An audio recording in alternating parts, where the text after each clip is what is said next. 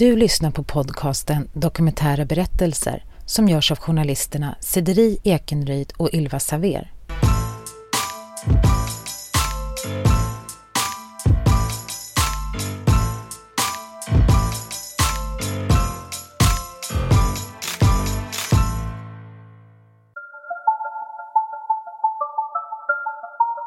Och så när vi satte oss i bilen så berättade han att han hade varit otrogen och den här kvinnan blev gravid. Det här avsnittet ska handla om otrohet. Så det är ju det är ju inte bara, bara inom situationstecken eh, aha, du har svikit mig, utan det handlar ju om att hela livet på något sätt rasar. Vi ska höra Lailas berättelse om hur det är att bli sviken av sin livspartner efter 25 års äktenskap. Det här med otrohet är ett så, så brett begrepp. Vi hör också psykologen Maria Farm om varför man är otrogen och hur man kan gå vidare. Det kan ju vara så olika saker. Det kan vara en engångshändelse men det kan också vara något som har pågått i flera år ju faktiskt.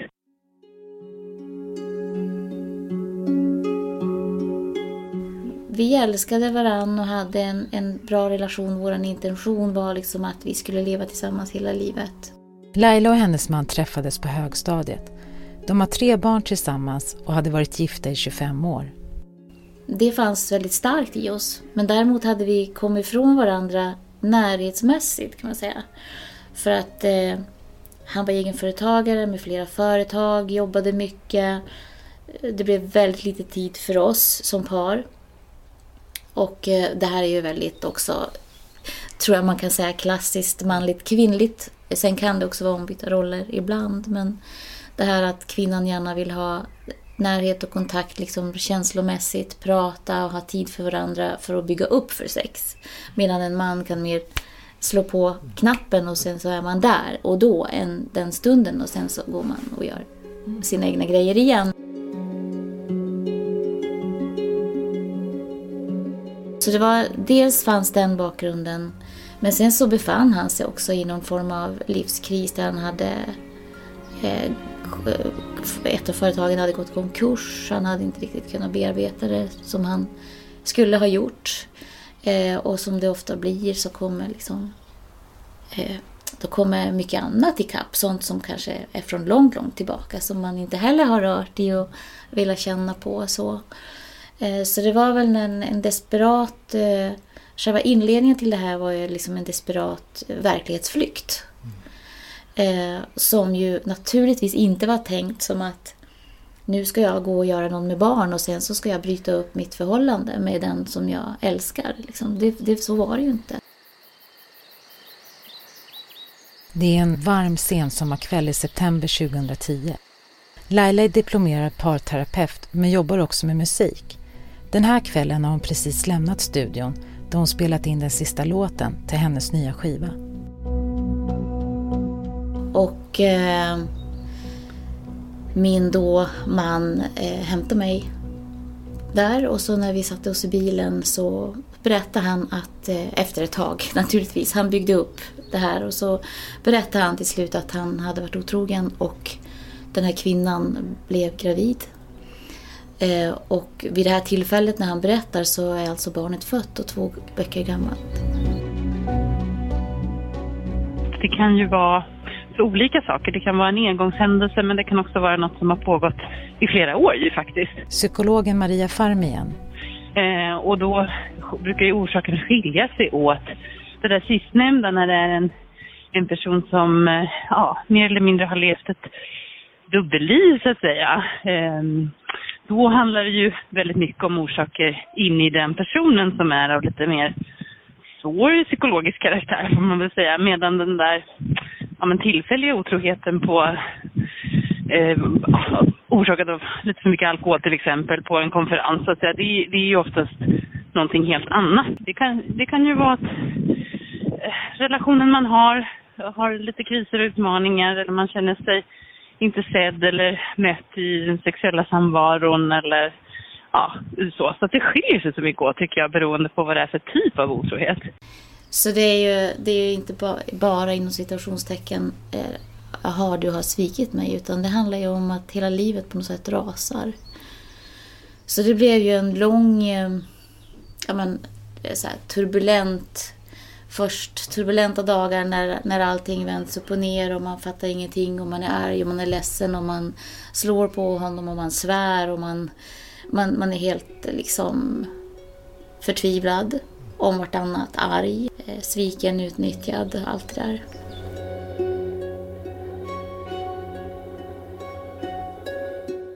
Vad som händer är ju att den så att säga bedragna parten eller hon eller han som upptäcker att min, eh, min man eller min fru har haft ett, ett parallellt liv eller har eh, deltagit i saker eller länge haft någon annan. Det blir ju mer, alltså det, det värsta är ju ofta tillitsbrottet eller den här totala chocken över att ha levt i en annan verklighet så att säga, än kanske den sexuella otroheten. Det kan vara det som, ja, som orsakar mest känslor först så att säga, men det som brukar ligga och skava och vara det ångestväckande och jobbiga sen, det är ju det här tillitsbrottet och att man liksom har gått och trott att man har levt ett helt annat liv än vad man egentligen har gjort, att man har blivit så förd bakom ljuset.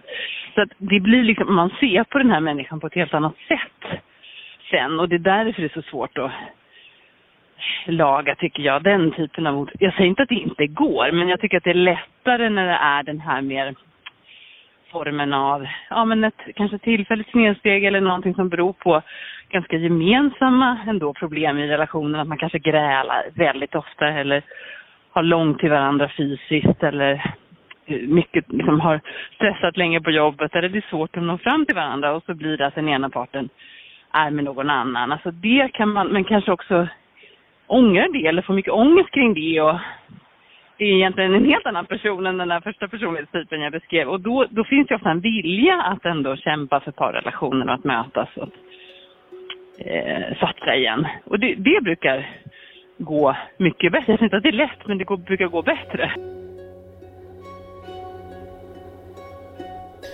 Men han var ju väldigt ångerfull och beskrev det som hans största misstag. Och eh, Jag kände väl också att om jag ska klara av det här och liksom överleva känslomässigt på något sätt, då måste jag få svar. Jag måste få veta vad det här handlar om och hur kunde det bli så här. Och jag förstod ju att det här var, var liksom inte... Eh, vi kommer från liknande värderingar och trohet och, och sådär. Så det var, jag förstod ju att här har det ju hänt någonting på något sätt. Och... Eh, så, så vi beslöt oss för att stanna tillsammans. Och eh, eh, sakta men säkert försöka lägga det här pusslet ihop. Och, eh, och sen så efter en, nu hoppar jag väldigt i grova drag här nu då, men efter en, eh, ja, några månader så kände jag att jag, jag ville verkligen ge vårt äktenskap en chans till. Så vi beslöt oss för att också fortsätta leva tillsammans. Och eh, jag byggde en relation till den här lilla killen som var född. Vi började ha honom delvis hemma hos oss och sådär.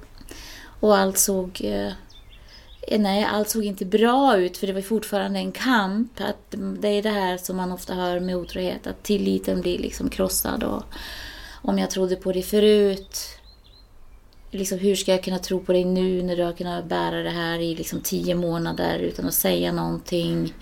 Hur vet jag att det är sant den här gången? Vi satte väldigt strikta ramar kring hur kontakten med den här kvinnan skulle vara. Att jag skulle alltid finnas med när vi hämtade och lämnade den här pojken. Och det var ju en, naturligtvis en... Det låter enkelt och rationellt när jag säger det, men det, det, he, hela den här grejen var ju en kamp också. Att orka de här mötena och att orka eh, acceptera att det är det här livet jag väljer i så fall. Men jag fick en fin relation till den här lilla killen och började känna mig mer delaktig på något sätt i... Det blev liksom en ny konstellation där.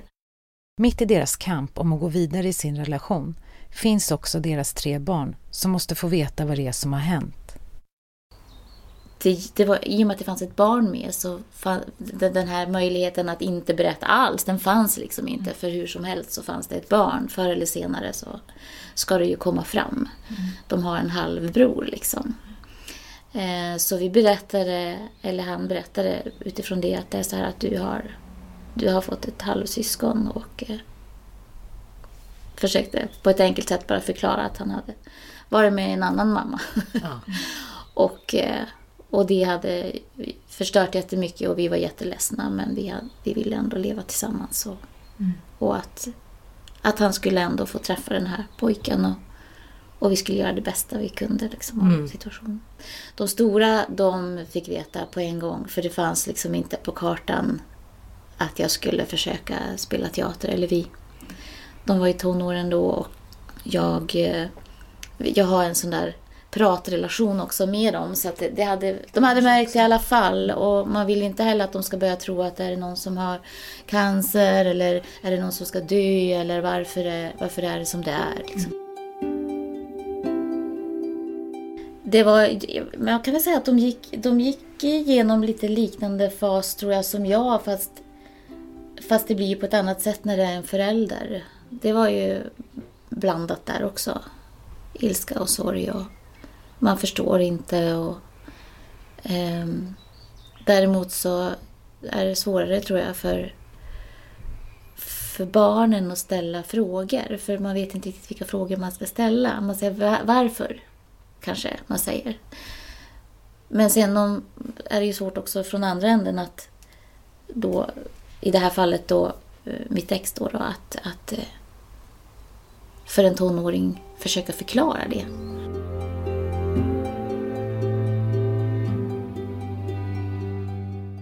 Laila och hennes man fortsätter att leva tillsammans. Men efter två och ett halvt år upplever hon att det är något som inte stämmer. Plötsligt en dag i köket så förstår jag att det är något som är... Det, inte på, alltså det jag, det jag, jag hör bara något i det han säger att det här stämmer ju inte riktigt så att jag frågar om. Och han har försagt sig då på en detalj bara. Eh, och eh, när jag börjar fråga upp honom så börjar han bli undvikande och då blir jag obstinat och jättearg och börjar liksom provocera fram vad handlar det här om. Och till slut så erkänner han att han har träffat den här kvinnan igen under en längre tid. Fastän vi också då tillsammans har träffats eh, och jag har trott att det är de träffarna som, som finns mm. och ingenting annat. Så, kom, så kommer det fram. Och eh, då hade jag tänkt så här under de här åren att, och sagt att du får den här chansen men händer det någonting liknande igen då måste jag gå. Då, måste jag, då, då kan inte jag liksom lyssna på hjärtat utan då får jag stänga av hjärtat och vara rationell, rationell och bara bestämma. Mm att nu går det inte. För jag var livrädd för att bli en sån här medberoende person som bara flyttar ut gränsen hela tiden. Eh, så, så då bestämde jag mig samma kväll för att eh, skiljas.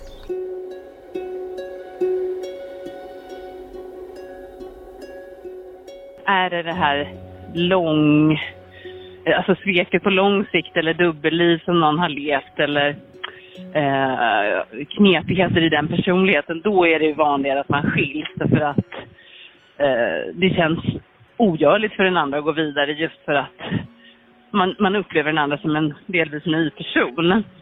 Eh, och eh, sen fortsatte vi ju vårat, vad ska jag säga, vi fortsatte vårt arbete med att jag skulle få svar.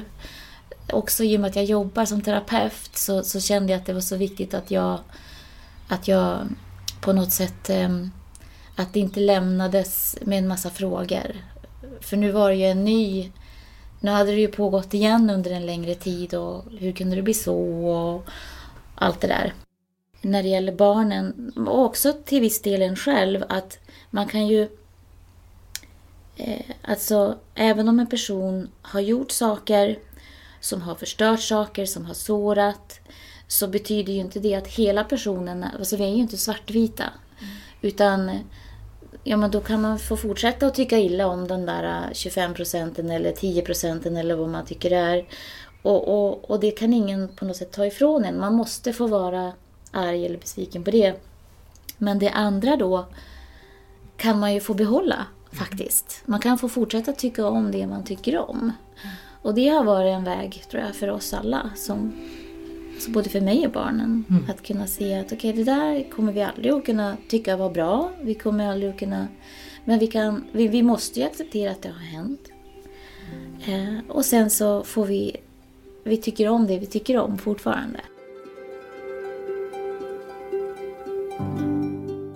Det är lätt också att bara svartmåla den som som är sexuellt otrogen eller göra honom eller henne till en dålig person. Så att säga. Och, men det är ju också viktigt att titta på liksom, orsakssamband och kontexter. Och, eh, allt är komplext. Det är inte så att vi inte har ansvar för våra egna handlingar, det har vi ju. Men um, oftast blir det ju... Det blir inte lättare... Eller så här, det blir lättare i stunden om vi gör den ena till the bad guy, så att säga. Men på lång sikt så ser ju oftast livet inte ut så, utan det kan ha sina förklaringar och vi kan, är vi den som har bedragit så behöver vi också ju faktiskt vara lite icke-värderande mot oss själva och fundera kring hur blev det så här då? Hur vill jag att mitt liv ska se ut och vad vill jag stå för i relationer och vad är viktigt för mig och oss som par? Så att det inte bara blir att man äts upp av en fruktansvärd skam eller ångest. För det kommer ju inte heller riktigt någon till gagn sådär. De går skilda vägar men är idag vänner. Och trots att hon har blivit sviken två gånger så har hon fortfarande en stark tro på kärleken. Alltså det sätter ju igång så många saker. Det, det, det vänder ju upp och ner. Dels, dels så är det den här bara eh, känslomässiga erfarenheten av att bli sviken. För den hade jag aldrig innan. Jag hade aldrig varit med om det. Eh, och sen är det här med värderingar. Vad, vad, är det egentligen som gäller? Och kan man... Finns det något som heter livslång kärlek? Och som man då, i vårt fall, som vi verkligen hade trott. Och, och på något sätt någonstans tror också fortfarande. Alltså att det går ju, men det kräver ju ett arbete och det kräver att man hela tiden underhåller relationen och förnyar de här på något vis löftena till varandra dagligen på något mm. vis. Eh, så, så det är inte så att jag har knäckt tron på kärleken på något sätt. En sak som jag tar med mig från, från, från den upplevelsen då, det är ju verkligen hur, hur tydligt det är att ju mer vi tillåter våra känslor och verkligen är i dem ett tag och inte nonchalerar och stoppar undan eller flyr eller desto mer helare kommer vi att vara på sikt. Eh, och, och, och, vikten av det. Att inte skynda på för fort eh, med, med det där nya som ska bli eller med eh, nonchalera saker som man någonstans kanske känner men ändå inte vill kännas vid. Och dina relationer idag, hur har det påverkat kanske blivande kärleksrelationer eller mm. är du extra vaksam för vissa saker eller? Ja, det tror jag att jag är. Eh, jag tror att jag är väldigt... Eh, jag, vad ska jag säga? Jag lever inte i en relation idag. Eh, och jag tror att det handlar om att jag på något sätt vad ska jag säga, att jag, jag för det första är jag mån om att vara hel själv. Men sen så också att den jag möter ska vara någorlunda hel. Jag menar, vi, kan, vi, vi alla har vi ju sår inom oss, men det finns en, det finns en, eh, nivå, en nivåskillnad på något sätt på hur dåligt man mår.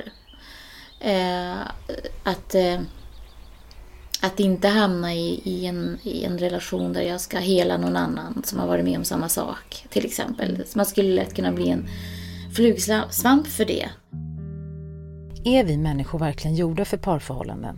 Eller kan vi vara biologiskt styrda och vilja ha fler partners? Vi ställer frågan till Maria Farm. Jag tycker man kan titta historiskt så är det ju ändå så att de allra flesta samhällen har genom tiderna så att säga, jag säger inte alla men väldigt många har ju ändå haft monogama relationer som något slags ideal och också så att säga byggt institutioner kring det som äktenskapet eller religioner, att vi eh, och sakrament, här, att vi liksom eh, det här är det önskvärda idealet. Och det, jag tänker så här, det måste vara av en anledning.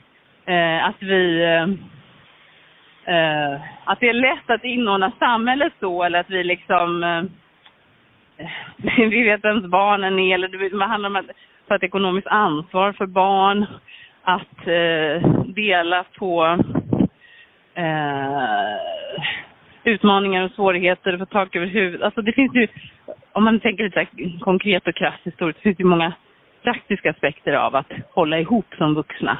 Man har många barn att ta ansvar för och eh, så. Men sen kan man ju också se att, jag menar just otrohet och, och sexuell promiskuitet eller eh, att vi eh, också har fantasier om andra och sådär. Det har ju också funnits i massor av kulturer och skildras ju jättevanligt i litteraturen och konsten och sådär. Så att jag tror så här, att människan är en komplex varelse och vi har vi drar åt, och åt flera håll samtidigt. Så att vi, vi önskar en nära relation men ibland känner vi stark attraktion och lust till någon annan. Uh, och det är så, livet är ju långt och vi går igenom olika faser och olika saker blir olika viktiga de här faserna.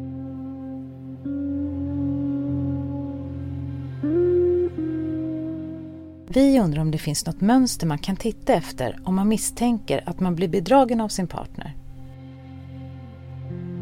Otrohet är ju extremt vanligt. Och det vore väldigt tråkigt om vi börjar, vilket jag tror att väldigt många redan har gjort, men att om vi börjar se det som att ja, men eftersom det är så vanligt, då är det väl okej. Okay. För den skada som det gör för de som är med om det, eh, i de allra flesta fall, är ju att likna med ett livstrauma. Alltså det... Jag brukar säga att det var min tsunami. Alltså, jorden vänd, livet vänds upp och ner på något mm. sätt. Och, eh, så, så, dels vikten av det och att därför också kanske istället i, om man lever i en relation att man pratar om de här frågorna innan det ens är på tapeten. Hur ser vi på trohet? Vad är det? Och vad är otrohet för oss? Um, och, och vad, liksom, vad kan vi bygga på som är bra och göra det ännu bättre? Och var är våra fallgropar? Vad, vad är du mest rädd för att jag ska göra? Eller vad, är du, vad, vad ser du som största risken att jag skulle kunna göra som förstörde vår relation? Mm. Och tvärtom. Mm. Um, och där har vi ju så olika behov. Någon vill ha mycket uppskattning i ord och komplimanger och allt det där. Någon annan vill att ta hand om mig, liksom köra fram bilen och storhandla när det är min dag. Eller, mm.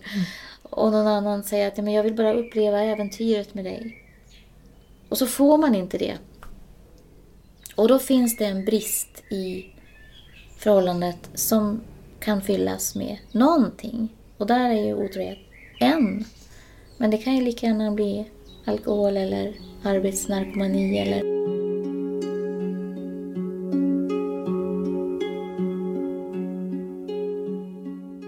Går en person fullständigt från att inte bry sig alls om hur man ser ut och så plötsligt så gör de det. Eller inte tränat någonsin och så plötsligt så gör man det.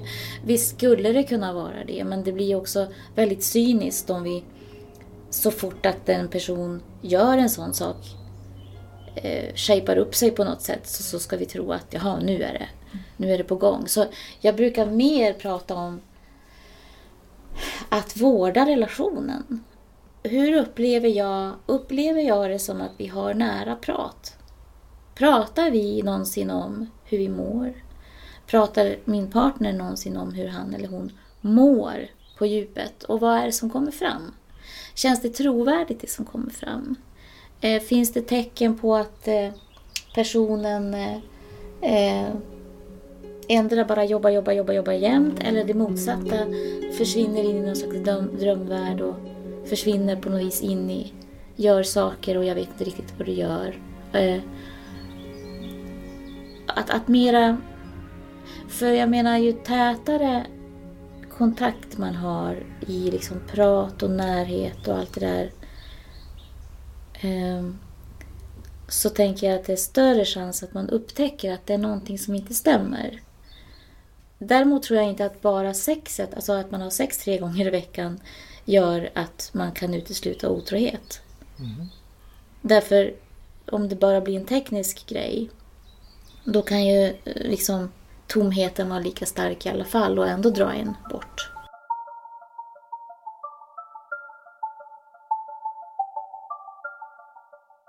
Tror du att det har förändrat din syn på män överlag? Nej, inte på män överlag. Jag skulle säga på människan överlag kanske snarare. Om vi säger nu otrohet till exempel, att det handlar ju verkligen väldigt sällan om sexet.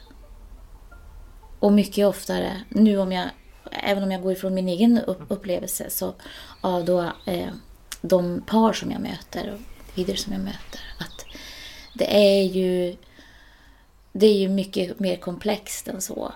Och många gånger handlar det om en, en flykt ifrån någonting. Alltså ändra en flykt ifrån det som man inte tycker är bra i förhållandet. Men det kan lika gärna handla om det man flyr ifrån inom sig själv. Man kanske har svårt att känna sig eh, duktig och kapabel, ja men då söker man bekräftelse från någon som ser upp till en och som säger Gud vad du är bra på ditt jobb eller vad fantastisk du är eller vad vältränad du är. Eller mm. Där man får den där bekräftelsen som man kanske inte får hemma eller på jobbet. Eller, eh, eller saker händer i livet. En förälder dör. Ehm, man flyttar någonstans där man inte känner sig hemma. Man känner sig rotlös.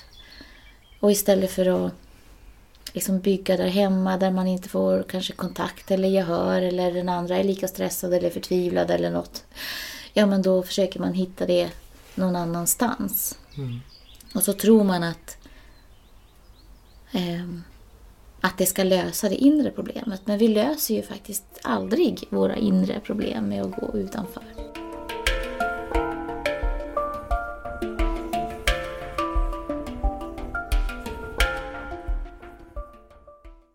Du har precis lyssnat på avsnittet Min mans dubbelliv. Vill du komma i kontakt med oss som producerar den här podden? Mejla oss i sådana fall på kunskapsstudion gmail.com